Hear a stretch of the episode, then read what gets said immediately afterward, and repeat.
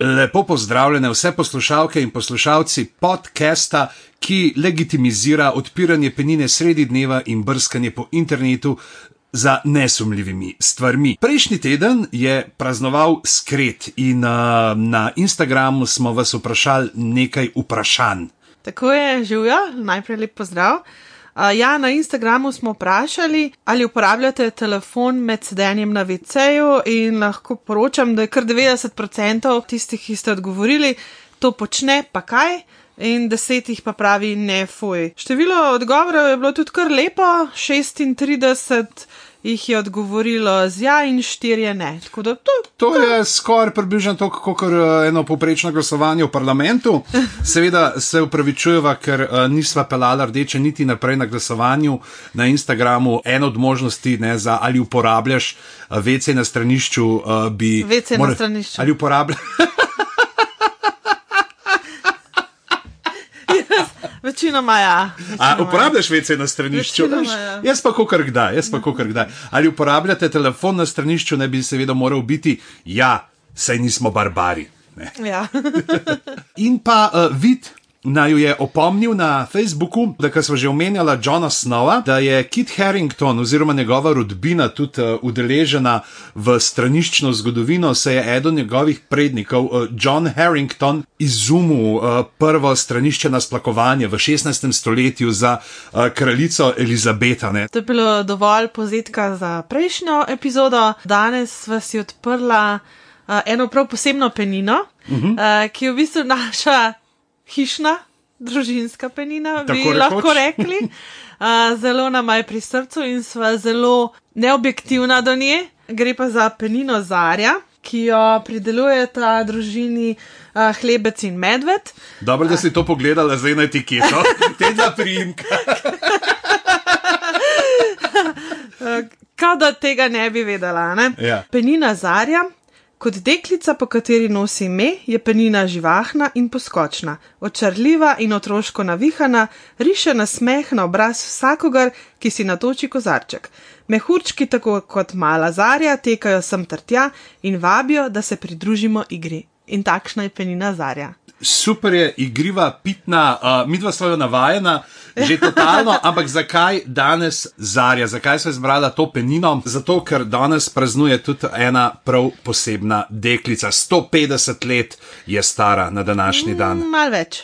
Knjiga o deklici je stara 150 let. Mal več. Leta 2015 je bila stara 150 let. Ok, potem sem ja. pa jaz na robe gledal. Prva nekaj. knjiga. Druga knjiga pa mislim, da je res na, prav na današnji dan tudi stara 150 let. Tako da danes praznuje Alica. Iz kje? Iz čudežne dežele.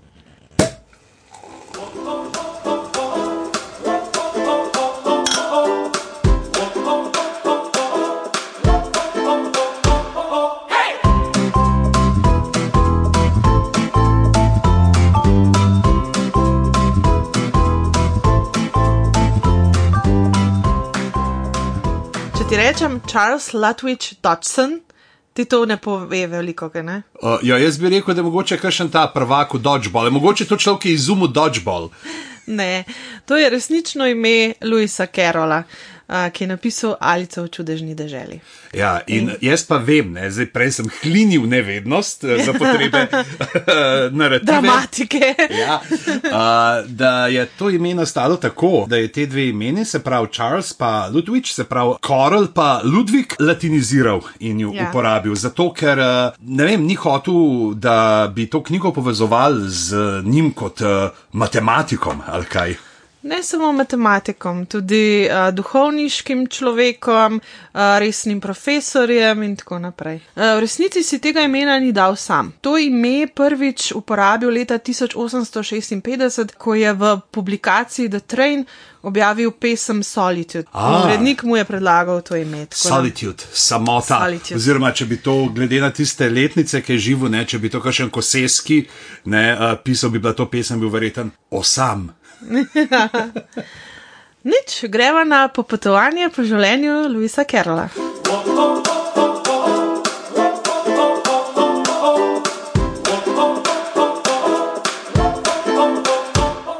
Louis Carroll v resničnem življenju se je rodil 27. januarja leta 1832. Kdaj se je pa na internetu rodil? Rodil se je v družini, ki je v bistvu tradicionalno severno-angliških irskih korenin. V družini so imeli samo dve usmeritvi za moške potomce, ali so bili vojaki ali pa duhovniki. Učak sem. On je bil pa matematik, ki se je pa zalomilo. Tudi v duhovniško službo je šel, vendar ni postal uh, duhovnik na koncu. Mm -hmm. Njegovo življenje v uh, zgodnih letih je zaznamovano z življenjem na podeželju, v družini z enajstimi otroci, uh, med katerimi so bili trije fantje, uh, ostalo so bile deklice. V bistvu je bil zelo bolehan otrok, tako da je tudi bil uh, gluh na eno uho kot posledica um, nekih otroških bolezni. Malce težko je hodil, naj bi malo šepal na eno nogo in tako naprej. Kot sem jaz bral, je tudi jedslov, ne? da ja. zaradi tega to ne bi bil en glavnih razlogov, zakaj ni šel polno v duhovniško službo, zakaj je postal samo diakon mm. in se potem uh, preusmeril v učiteljevanje. Ja, čeprav uh, je pa ne navadno, ker je bil pa profesor. Bil je mhm. profesor matematike na Christchurchu v Oxfordu, to je v bistvu količ, ki je ustanovni količ Oxfordske univerze. To ni edina od nelogičnih stvari v življenju Louisa Carola, ker pravzaprav po eni strani uh, vemo, da je celo, po drugi strani bil pa profesor. In uh, po eni strani je bil zelo resen človek, po drugi strani pa poznamo uh, njegove zgodbe, zabavne in tako naprej. Tako da v tej osebi se je skrivalo veliko več, različnih plati. Mnogo plasten je bil. Mnogo plasten. Bil je ja. tako Twiddledim kot Twiddledum. ja. Čeprav na dva sta si dosti podobna, bi morali kakšno boljšo uh, primerjavo si ja. izbrati. Zelo rad je pripovedoval zgodbe že v otroštvu. Oboževal je uganke, izštevanke in tako naprej. In je bil glavni pobudnik, glavni dopisnik v revijo, ki so jo izdajali doma, otroci in se je imenovala Mišmaš. In uh, v njej je bil on v bistvu glavni pisec, glavni urednik in tako naprej. Tako da že v zgodnem otroštvu opazimo to njegovo ljubezen do zgodb. Potem uh, je Louis Carroll šel študirati, um, šel je na rugby college, ker ni bil najbolj zadovoljen, najbolj srečen. Potem pa se je nekako. Tukaj moramo seveda omeniti, da rugby college, mislim, da je to ime college, ne da, je, da so ga revaža, ki je šepal, da ja. so ga poslali na igrišče brez kakršne koli zaščitne opreme, tle imaš tole žogo jajčasto. Čeprav tle bi bilo, ne, če bi veš, je žoga, pa kaj, on je bil krhak, tle mogoče je zametek Humpty Dumpty. Ja.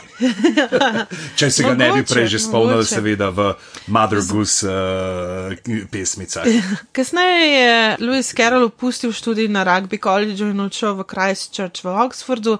Se pravi, uh, velik del svojega odraslega življenja je preživel tam najprej kot študent, potem pa kot profesor.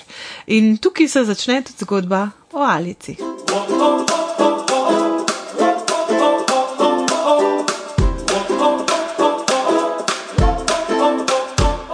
Ta? Je dejansko resnična oseba. Ne? Se pravi, uh, ni uh, zdaj to neka izmišljija, da bi on rekel: O, danes mi pa dolg čas, uh, moji študenti trenutno pišajo tukaj neke uh, polinome ali karkoli uh, so že imeli uh, tedaj, in uh, bi vmes zraven čečkal, da bi si uh, sprostil um, ampak uh, je bila družinska prijateljica. Alice je pisala Lidl, bila je ena od treh hčera, dekana Christchurch uh, College, ko jo je Louis Carroll srečal in bila deklica stara nekje okrog pet let. Louis Carroll je imel pisarno, ki je bila obrnjena na notranje dvorišče. Kjer je tisto slavno drevo, po katerem naj bi um, si zamislil to drevo z govorečo mačko, ta dekleta so se na tem vrtu igrala. Še predno je Louis Carroll spoznal družino Lidl, je imel zelo veliko otroških prijateljev. To so bili otroci njegovih prijateljev, znancev, uh, sodelavcev in tako naprej. Louis Carroll je bil med otroki izredno priljubljen, seveda razumemo zakaj, ker jim je pripovedoval zgodbe, zastavljal jim je uganke in tako naprej, tako da je znal poskrbeti za to, da otrokom ni bilo dolg čas. Ta zgodba pa kasneje dobi še malce drugačno dimenzijo, ampak o tem bomo mogoče malo kasneje. Ja. Greva v zgodbo, ki pripelje do izida. Ali so v čudežni državi. Se pravi, uh, enkrat so se igrali uh, na vrtu pod tem drevesom, in je Alica padla v en rov, in jo štiri dni niso najdali. Ne. Ne, A, ne. ni tako temačno. Ne. Nekega poletnega dne, eh, natančno 4. julija, uh, so odšli eh, Dodson, in eh, njegov, uh, eden od njegovih sodelavcev skupaj z otroci uh, družine Lidl. Zdaj, jaz ne vem, čist, ni mi čisto jasno, ali so otroci imeli sabo tudi še um, govornajanto, so bili še odrasli zraven, to ni čisto jasno, ampak nekje teh pet ljudi je bilo vsaj na tem čovnu in so se um, spustili po reki uh, Temzi v Oxfordu na tem potovanju um, je nastala zgodba Alice v čudežni deželi. Najmanjša od treh deklic, Alica, je bila tudi najbolj, um, najbolj energična, najbolj nagajiva, navihana in je Dodsona vse čas um, napeljevala na to, da ji povej kakšno zgodbo, dolg čas nam je, povej nam kakšno zgodbo. In Louis Carroll se je v tistem trenutku spomnil te zgodbe. In na tem po potovanju s čovnom nekega poletnega dne je nastala zgodba o Alici v čudežni deželi, ki se je takrat imenovala še malce drugače. Ja, tako bi lahko rekel, da je to zgodbo napletel na pletni. ja, skoraj, skoraj. Ja. Torej, tistega poletnega dne je Louis Carroll otrokom pripovedoval to zgodbo o Alici, ki si jo je brž za ne sproti izmišljeval. In ta zgodba je otroke tako navdušila, da so kasneje um, ga prosili, da bi to, to zgodbo zapisal. In res tistega leta je mala Alica Lidl za božič dobila v roke. Knjigo Alice's Adventure Underground, ki je v bistvu na roko napisana in naslikana knjiga z nekaj malo manj kot 100 stranmi, filigransko, natančno, na roke narisana knjiga. To knjigo si lahko tudi ogledate, bova dala link spodaj, eh, ker mislim, da je to ena stvar, če ste ljubitelji knjig ali pa če sploh, če ste ljubitelji Alice v čudežni deželi, si to morate ogledati.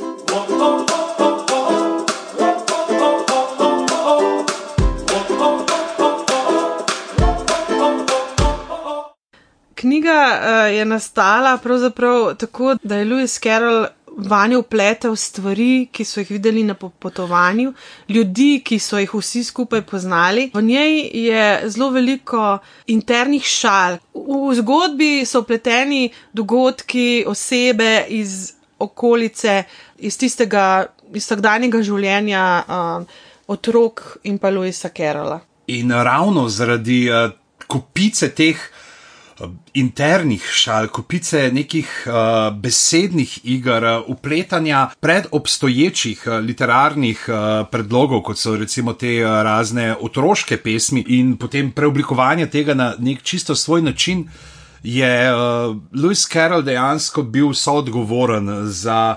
Nastanek čisto posebnega terarnega žanra, ki se mu reče nonsens. Mm -hmm. uh, 19. stoletje, uh, Britanija, poleg Luisa Carola, je eden od začetnikov tega literarnega gibanja še uh, Edward Lear, uh, možakar, uh, ki je napisal uh, kupico. Limerikov, uh, The Book of Nonsense je dal mm. dejansko naslov uh, svoji knjigi, kjer je zbranih več kot 100 Um, Limerikov, če pogledamo enega čisto od teh klasičnih njegovih, ne, there was an old man with a beard who said, It is just as I feared, two owls and a hen, four larks and a wren have all built their nests in my beard. Pri nas se je največ uh, s to formo ukvarjal Andrej Rozman uh, Roza, uh, uh, ki ima te čudake, pet čudakov, novih pet čudakov in tako naprej. Zdaj, da vidimo, če se bom spomnil. Nekoč živel je čuden lik, ki je obvladal strašen trik, tako je usta odprl, da je sam sebe požrl, umrl in dobil spomenik. Ja. Medtem ko je pa ta uh, nonsens uh, pri. Uh, Lucijo Carrollu je pa premetavanje nekih besednih zvez, ustaljenih fraz, recimo uh, jemanje uh, nekih frazemov, ki obstajajo, seveda v prenesenem pomenu, kot je najbolj klasičen primer, seveda Tides Raining Cats and Dogs, ki potem uh, se je spremenil to, da v knjigi dejansko dežujejo uh, mačke in psi. In ravno zaradi te idiomatike, ki tvori potem samo vsebino, je tako uh, hudimano težko prevajati take stvari. Mogoče je še ena stvar, samo kot nonsens. Ne? Nonsensa, mi smo to imeli enkrat pred nekaj leti na uh, očesu besede na seminarju za uh, simpoziju za otroško literaturo. Barbara Simoniti uh, vodila uh, debate o nonsensu. Pravzaprav to, da nonsens ni nesmisel, ne? se pravi nekaj, kar bi bilo nesmisel, ampak gre za načrtno oduzemanje smisla pravzaprav bolj kot nesmisel bi bil uh, dober termin. Od smisel. Kako jemliš besede take, kot so, kako na njihovi, njihovem zvenu, na prenesenih mm. pomenih, uh, gradiš dodatno zgodbo. In tukaj je tak primer, ki bi rekel, pač kaj genijalen. Avtor nonsensa je Peter Svetina mm. uh, s svojimi kratkimi zgodbami, s kratkimi uh, pesmimi. Tako da, recimo, Timbuktu, uh, ena knjiga teh. Uh, kratkih zapisov, ki zgradijo nek svoj odsmiselen svet. V bistvu tukaj koristiš fonetične značilnosti in danosti besed, ne pa v bistvu njihove pomenske. Ja, uh, in vsaj do določene mere. In, in potem mešanje besed. Mm. Recimo, uh, ena teh najbolj znanih uh, njegovih zloženk je ta Jabberwocky, mm. uh, ki uh, sicer nastopi ne v Alici v čudežni želji, ampak potem Alica uh, skozi ogledalo. In tukaj bi če smem, uh, prebral prevod uh, te pesmi Gitice Jakopin, ki je. Genijalen, kako se poigrava z besedami. Ko poslušaš, kaj ne veš, ne, točno kaj, bi, kaj so te besede, ampak glede na to, kako so uporabljene, lahko sklepaš po njih. Ne. In gre takole. Zmrzlak pa tak in grav že tacne, propoti vrtko za svrdle, vzhost odmeva huje štracne, ojej helame, srš prhne sin žlabodrona ogni se, grize čeljug in krempljev stik, ptiča kljujusa se izogni, šaurav suhajdi v izumik.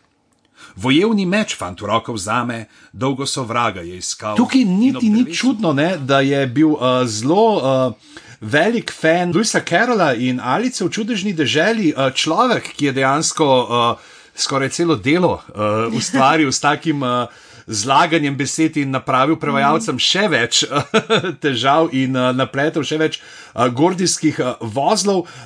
To je seveda naš prijatelj James Joyce, mm -hmm. ki je dejansko v Finneganovem bdenju, eh, če dva citata, če samo povem, je Alicious, Twin Streams, Twine Strains, Through Alluring Glass, or Alas in Jumboland, in pa Wonderlands Lost Us Forever. Alice, alas, she broke the glass. Little locker through the leafery, ours is mystery of pain.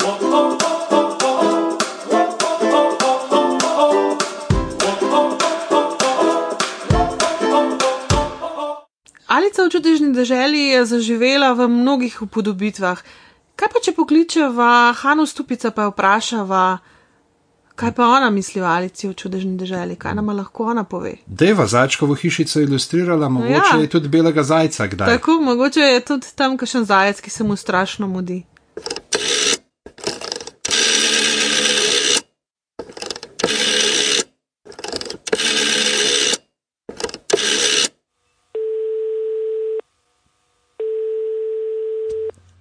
Alica v čudežni deželi je knjiga, ki me nekako spremlja že celo življenje. Doma sem jo dobila v roke že precej zgodaj. Se mi zdi, da verzijo z ilustracijami Johna Canela iz originalne edicije in že te ilustracije, ki so najbolj znane, so name postile res velik vtis. In so tudi mogoče en od razlogov, zakaj mi je ilustracija sploh ljuba. Um, je pa ta pravljica nek pomemben menik ne, zlate dobe otroške književnosti, ne, ker pred Alico so otroke dojemali kot mini odrasle. Ne, podarek je bil na vrednotah in morali in posledično so bile vse zgodbe take. Ne, to je recimo Peter Kuštar, kjer, uh, je znan, ki je znan potem, da če uh, si nisi strigal nohtov in se umival, je prišel en mužic in ti odrezal prste. Ne, uh, pa Picko in Packo, ki je v slovenščino prevedla Svetlana Makarovič. Um, in po Alici so se dejansko dela osredotočila na otroško domišljijo, um, na otroški humor, na otroško dojemanje stvarnosti. In je res taka zgodba, vključno s tem, da je mistična, misteriozna, čarobna, nora. Verjetno me je privlačila tudi zato, ker so v njej zajci. in Potem sem se z njo še srečala na faksu, bila je kot del seminarja za oblikovanje in jaz sem se spravila še ilustracije risati, ki so nekako bazirale ravno na te ilustracije Johna Tanjela. Zdaj bi se lotila popolnoma drugače. Takrat sem bila še precej zelena. Bi pa mogoče priporočila par verzij um, za pogledati, kar se ilustracije tiče, ne seveda John Taniel z leta 1865. Um, meni zelo ljube so ilustracije Artura Rekama, ki so iz leta 1905, ki so malo bolj temačne, ubitega kolorita in so res lepe. Potem se je lotila tudi avtorica Muminov, Tove Jansson, leta 1966.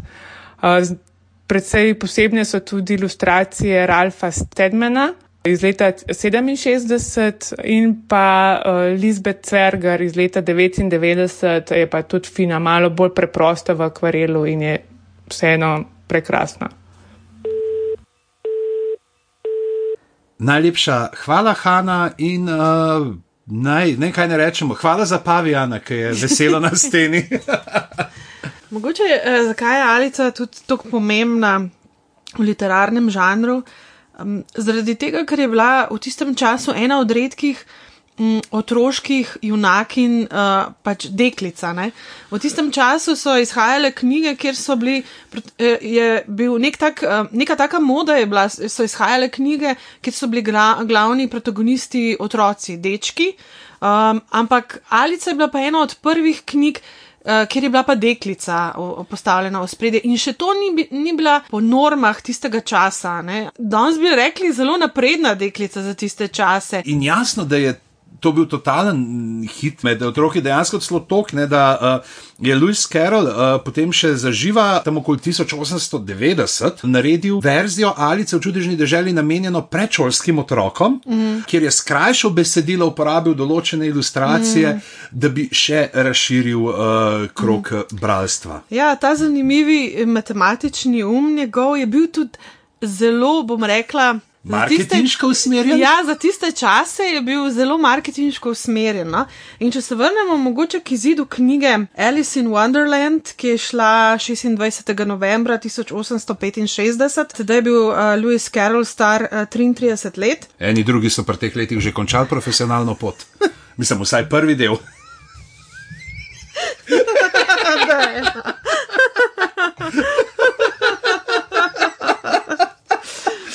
Okay. um, v glavnem, uh, druge knjige tistega časa so bile um, običajno, so imele usnjene platnice in so bile uh, rjave in tako naprej, tiste malo lepše so bile modre barve. No, Alice in Wonderland je pa v originalu bila rdeče barve. In zakaj? Louis Carroll je rekel, da želi, da je rdeče barve, ker bo bolj všeč otrokom. Recimo, tako je on tudi razmišljal naprej. Zato ni nenavadno, da se je ta knjiga v bistvu, da je ta knjiga uspela tudi, da je imela tak komercialni uspeh, kajti zadnji je bila ta njegova malce nenavadna osebnost, pa tudi nekak tak. Zelo napreden pristop. Ja, s tem, da uh, je moral res prodati kar nekaj knjig, da je prišel na zeleno vejo, kajti prvo naklado je skoraj celo vrgu stran. Zakaj? Zakaj? Zato, ker, uh, so prišle kopije knjige, izvodi knjige, uh, je John Daniel, uh, ilustrator, ne, ki mm. delal, mislim, da prav le so reze, ne, je mm -hmm. uh, delal, je bil kar razočaran. Mislim, da so bakrorezi. A bakrorezi, bakrorezi. Sem, ja. Sem, uh, ja. No, v glavnem je bil tako razočaran nad tem, ker so tako slabo reproducirali uh -huh. uh, slike njegove ne, za uh, knjigo, da je Karel rekel, da je v redu, da je pač tekam in je vrgel stran vso, tako da je uh, dejansko uh, bil full v rdečih številkah. A, ja, in je pa res fora, ne, pač, kaj je pa potem naredil, ne, pač uh, nič ne sme iti v nič, oziroma če sedem let vse prav pride, tisto izdajo uh, s slabimi uh, reprodukcijami pa poslal v Ameriko in jo je tam prodal. Tukaj se res vidi ta njegov.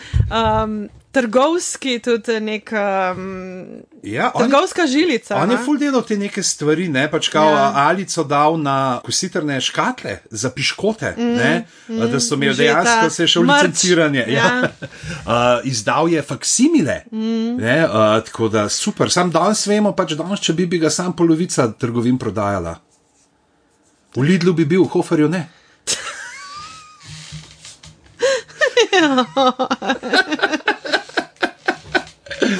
Jaz bi samo podaril, da sem oče.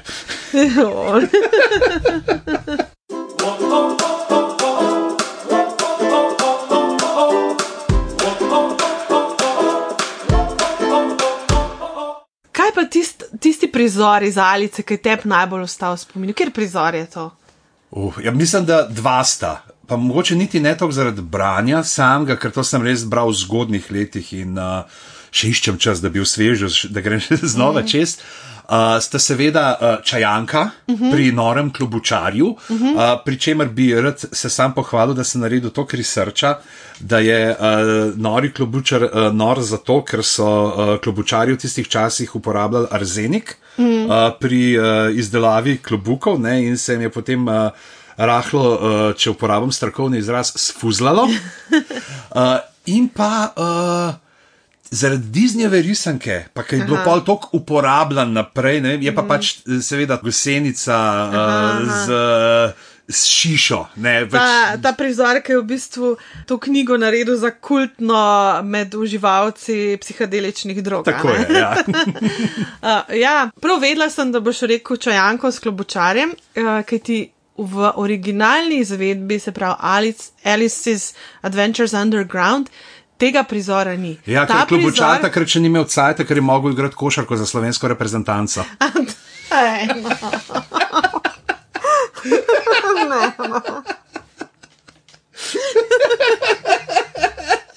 Grem je stven, puščam v smojci.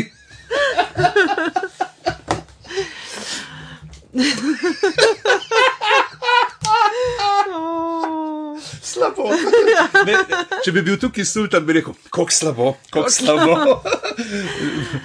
Matej Praprotnik bi me pa potrpljal po ramenu in me stisnil k sebi in bi rekel, ti si moj ljubljeni sin, nad katerim imam veselje. Sorry, dej, da, da ljudi, ja. Se pravi, eh, čajanke ni bilo. Ja, se pravi, v originalni zgodbi, ki jo je uh, Dodson uh, povedal otrokom na tem. Uh, veslanju po Temzi, eh, tega prizora ni bilo, ta prizor je bil dodan za knjižno izdajo Alice.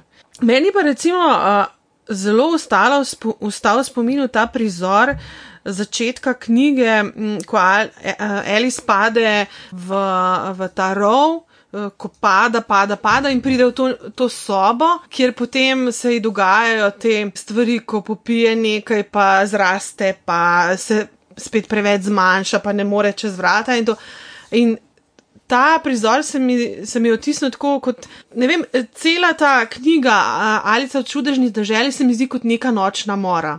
Na momente pač tesnobna.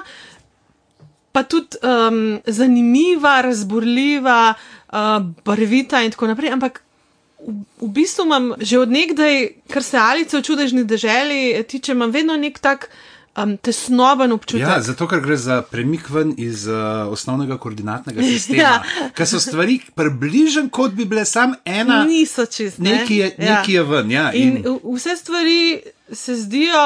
Pa pol niso tako, in v bistvu sem razmišljala, da mi, da mi sploh ta prizor, uh, ko se alic, um, alica veča, manjša in tako naprej, ko doživlja vse te občutke, a bom zdaj spet zrasla, da bom dosegla tisti ključ. Ali, ne vem. Pač, uh, zdi se mi, kot da, da govorijo o odraščanju, o dozorevanju, o adolescenci, o tem, ko otroci se počutijo še kot otro otroci, pa v resnici že imajo neke občutke kot odrasli, Pač, mm. Zdi se mi ta tesnoba adolescence, se mi zdi. Yeah. Ja. In to, kar zdaj počnem, so zelo hitro počeli psihoanalitiki, ki so to knjigo vzeli za svojo in so jo secirali od prve strani do zadnje strani. In takrat so nastale tudi te teorije o potlačeni homoseksualnosti, pa tudi o pedofiliji. Tukaj je zdaj ta resen trenutek, uh, ko uh, pogledamo iz perspektive 21. stoletja ja. na viktorijansko Anglijo. Ja. Zelo dober dokumentarc je BBC-ev, uh, vam ga res priporočam. The Secret World of Lewis Carroll. Naratorka je Marta Kearney, ki je očitno obožuje uh, to knjigo. Uh, obožuje Louisa Carola, ampak je pogledala na njegovo življenje tudi malo z drugačne perspektive.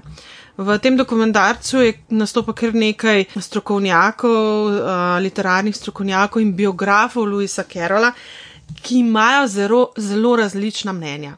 Tako kot sem rekla, Louis Carroll je bil zelo mnogoplastna osebnost. Recimo uh, zgodba z družino Lidl in z malo Alico je mnogo bolj zapletena, kot so jo danes predstavila. Uh, obstajajo teorije, da je Louis Carroll dejansko uh, gojil neka globja čustva do te male deklice. Obstajajo teorije, da je gojil čustva do mame, uh, do guvernante, v resnici pa ne bomo nikoli izvedeli, kaj, kaj se je zares dogajalo. Namreč, tako kot vsi v viktorijanskih časih, seveda je tudi Louis Carroll pisal svoj um, dnevnik. In zelo podobno, kot se je zgodilo pri kraljici Viktoriji, so tudi njegove dnevnike, njegovi potomci cenzurirali. In še vedno je ohranjen njegov dnevnik, prav tisti, ki govorijo o teh dogodkih v tem času, ampak so strani zelo skrbno izrezane ven, predvidevajo, da jih je izrezala njegova nečakinja, ki je podedovala njegove dnevnike. Namreč, družina Lidl in Louis Carroll um, so se po nekaj letih uh, rašli in niso več prijateljevali. Zakaj? Pravzaprav nihče ne ve, obstaja pa kup teorij, od tega, um, da je Louis Carroll dvoril njihovi uh, najstarejši hčerki, ki je bila takrat stara 12 let. Kar uh, z današnjimi očmi uh, ne zgleda dobro. Čez oči viktorijanskega človeka Ne bom rekla, da zgleda veliko bolje. 12 let je bil je uh, Age of Consent. Dve leti uh, manjka primičeva Julija. Ne? Ja, kaj je tisto, kar nam daje danes neke dvome v to, da so bili njegovi nameni čisto plemeniti, um, je njegovo fotografiranje otrok. Slikal je mnogo portretov, med njimi se pa najde tudi kar nekaj portretov otrok, bom rekla, v zelo neprijetnih pozah, ki se uh, v današnjem času zdijo neprimerne. Nekatere od teh fotografij so kar precej uh, seksualne in um, kar nekaj njegovih biografov trdi, da je res imel pedofilska nagnjenja. Pravijo, da je Louis Carroll zbiral otroke. Um, to se sliši mogoče mal. Uh, mal hujš, kot mogoče v resnici bilo, ampak V vsakem trenutku, kamorkoli je šel, je poiskal družbo otrok. Zdaj, ta dokumentarc, o katerem sem govorila, v tem dokumentarcu so raziskovalci odkrili fotografijo, ki so jo našli v Marseju v Franciji, na kateri je deklica zelo podobna Elisini sestri. Ta fotografija pa prav gotovo ni na meji, ampak je že čez mejo. Deklica je slikana. Eh, frontalno, brez oblek, s prsmi in tako naprej, stara nekje okrog 12 let, mogoče malo manj. Ta fotografija vsekakor ni, uh, bom rekla, estetska fotografija, Nekateri biografi, ki zagovarjajo njegovo početje, eh, so rekli, da eh, moramo pogledati na njegova dejanja skozi oči viktorijanskega časa, ko um, so bile gole fotografije otrok um, nekaj običajnega, ljudje so jih celo uh, pošiljali za novo leto. Tukaj je spet ne tako, kako ločiti avtorja in delo. Ja, ne, kot osebo in delo. Mislim, definitivno. definitivno Alica v čudežni deželi in potem nadaljevanje nima teh podtonov. Ja. Je pa jasno, ne, da več, če se je dogajalo. Tudi uh, ena od potomk, um, Alice Lidl, je rekla, da vsekakor um, iz zapuščine in tega nekako mogoče res sklepati, da je uh, Louis Carroll imel neka globja čustva tudi do Alice, ampak da nikoli gospa uh, Alice, Alice Lidl, kasneje poročena, ne spomnim se, kako se je pisala, in nikoli v svojem življenju ni rekla nič slabega o Louisu Carrollu. In tudi vsi ostali otroški spremljevalci, s katerimi se je Louis Carroll družil, otroci, ki jih je fotografiral, nikjer niso našli nobenega zapisa o tem, da bi se dogajalo karkoli nedovoljenega, da bi, da bi Carol prestopil mejo. Zdaj, soditi o tem, ali so bile v viktorijanskem času uh, primerne ali ne, je težko.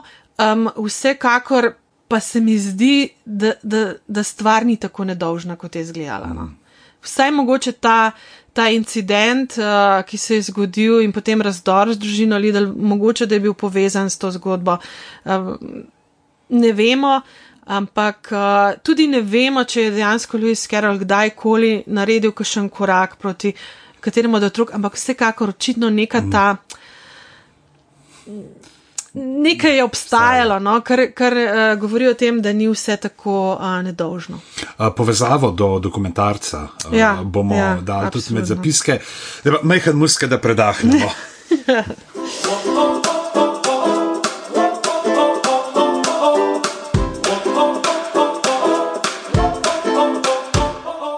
Prej smo omenjali kraljico Viktorijo. Uh, kraljica Viktorija, ki jo uh, poslušalci najnega podcasta poznajo dokaj podrobno. ja, ste, ste elita. Unitrije,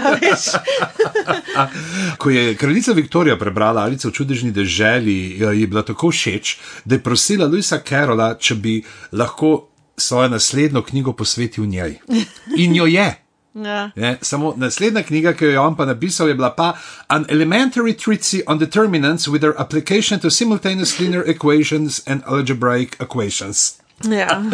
In ko smo ravno pri matematiki, ne, ena od teorij je tudi to, da ne bi pravzaprav takrat prišlo ravno do vse te nauke, neke nove abstraktne matematike, pa imaginarnih števil, ne vem, če so vse pač te preboji so bili in da je dejansko bil, ne bi bila Alica deloma tudi njegov odgovor na to nestrinjanje s to sodobno matematiko, ko oni hodijo že zmer to euklidsko geometrijo furat, Ja, ja. pa aritmetiko klasično. In mogoče še ena stvar, pri teh uh, prizorih, ki smo ravno, uh, seveda iz risanke je tudi ta, iz knjige, ampak tudi iz risanke zelo poznana je ta z uh, Cheshire Catom, ne? se pravi mm -hmm. s tem mačkom gor na drevesu, ki se na koncu pravzaprav ostane od njega samo še ta režeč na smeh in Terry Pratchett je to genialno obrnil naokoli. Uh, Gribo, od uh, maček, od Nenjok. To je maček, ki se spremenja tudi v nekega moškega, včasih pa je zelo tako, pač, uh, mislim, da je eno koma razlit, uh, ušesa potrgana. Uno, maček, mm.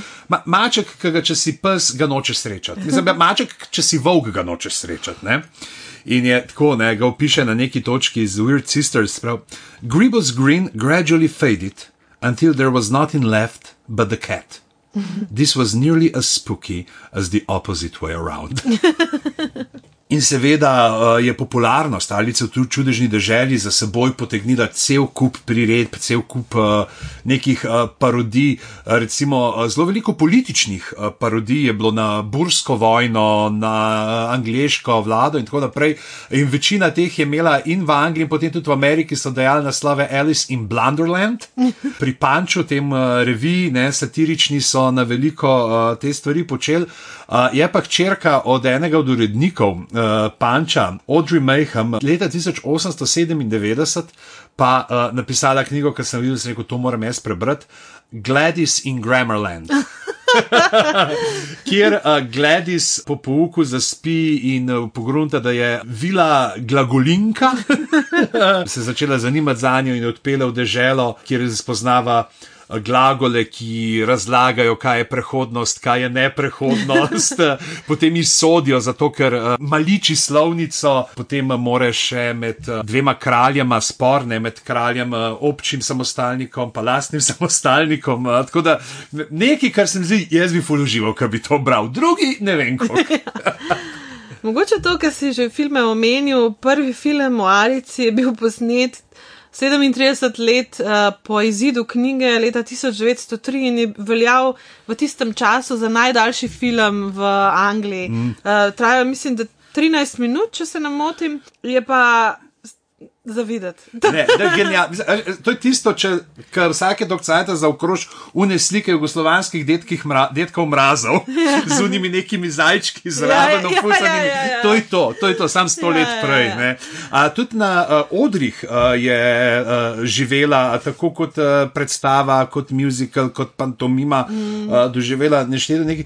Uh, seveda najbolj znani v podobitvi sta najbrž seveda Disneyjeva, uh, risana, za katero mm. so najprej so nameravali, da bi bila igrana. Aha. Uh, ampak so se potem odločili za risano verzijo in pa seveda verzija Tima Burtona. Mislim, da je to glih en od unih filmov, kjer se je pač Burton malo začel lomiti, kjer uh, ga je začel lomiti, kjer Ja, uh, je bilo že ok, mogoče uh, dejansko je tukaj not potegnil celo ekipo iz. Um, Uh, Sweeney Toda, vsi so noter.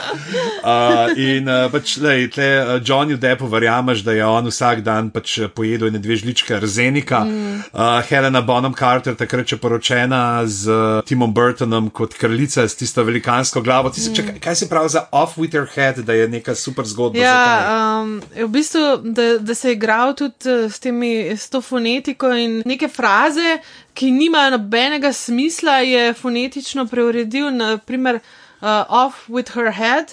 Uh, uh, go to bed ali mm -hmm. nekaj podobnega. Ja. Pač, da, je, da je zelo isto zvenel, uh, ali cut her head, go to bed. Ja, glavnem- off with her head je. Ja, je ja, ta off with fraza. her head. Uh, v teh filmih, uh, recimo, je uh, noter igral tudi uh, Michael Sheen, naš najljubši angel, ki je uh, dejansko imel isto obleko kot v. Je on igral je bil beli zajec. A res? Ja, a, ne, tako kot uh, ja. Azirafael, uh, Steven Fry je maček, Ja, uh, ja, ki izgine in tako naprej.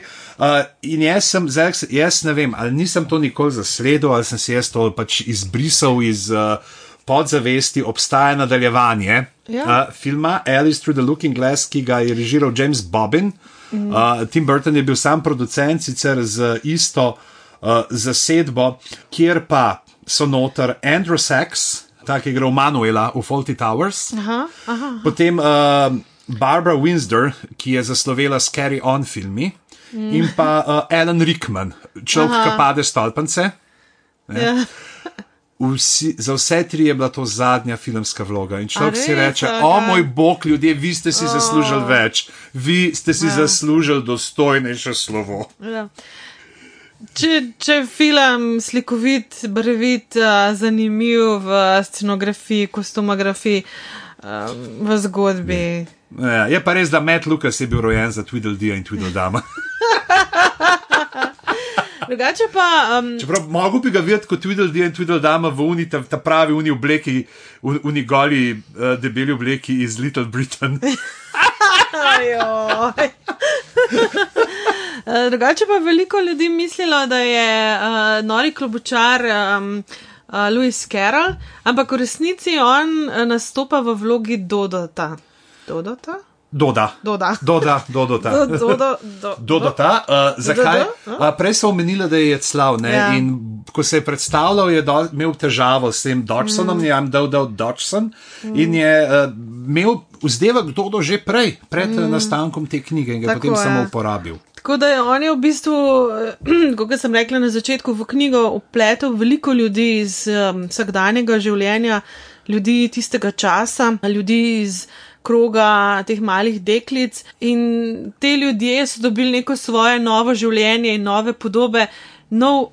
Ne bom rekla smisel, ampak ne smisel v teh knjigah. In so živeli tako v zgodbah deklic Lidl, ki so poznali kontekst eh, teh uh, ljudi in teh zgodb, in živijo danes še vedno v kontekstu današnjega časa v svetu ljudi, ki s tistim svetom nimajo čisto nič. In samo upamo lahko, da bo naš svet, ki je trenutno v precej razsuti fazi, doživel lepšo usodo kot Humpty Dumpty in da ga bomo lahko skupaj sestavili brez uh, pomoči vseh kraljevih konjev in uh, kraljevih mož. Ja, mož. To je bil danes praznuje. Ja. A sva hotela še kaj povedati? Ful, verjetno, lahko bi še eno uro Ja, govorila. mislim, o Alici v čudežni državi bi lahko govorili še tri ure, ampak mislim, da je dovolj. Bodi dovolj za danes, Alici, nazdravljava še enkrat. Zarjo, uh, hvala vsem, ki ste danes malce daljšo epizodo poslušali. Uh, vidimo se, oziroma slišimo se uh, Naslednji Decembra. teden, decembra bo že takrat, Ja. uh, ali pa mogoče februarja, če ful pozno poslušate. Kaj je ta 15. lockdown in ne veste, kaj početi. Ja, in, ste vse, in ste že vse druge top 200, vseh drugih top 200 podcastov z lestvice poslušali zdaj je na vrsti ta. Tole. Kaj, zakaj to ni o dinozaurih, slikce kaže dinozaura? Z vami so bila Mojca Gorenc, In boš tjangar in spižama. živijo.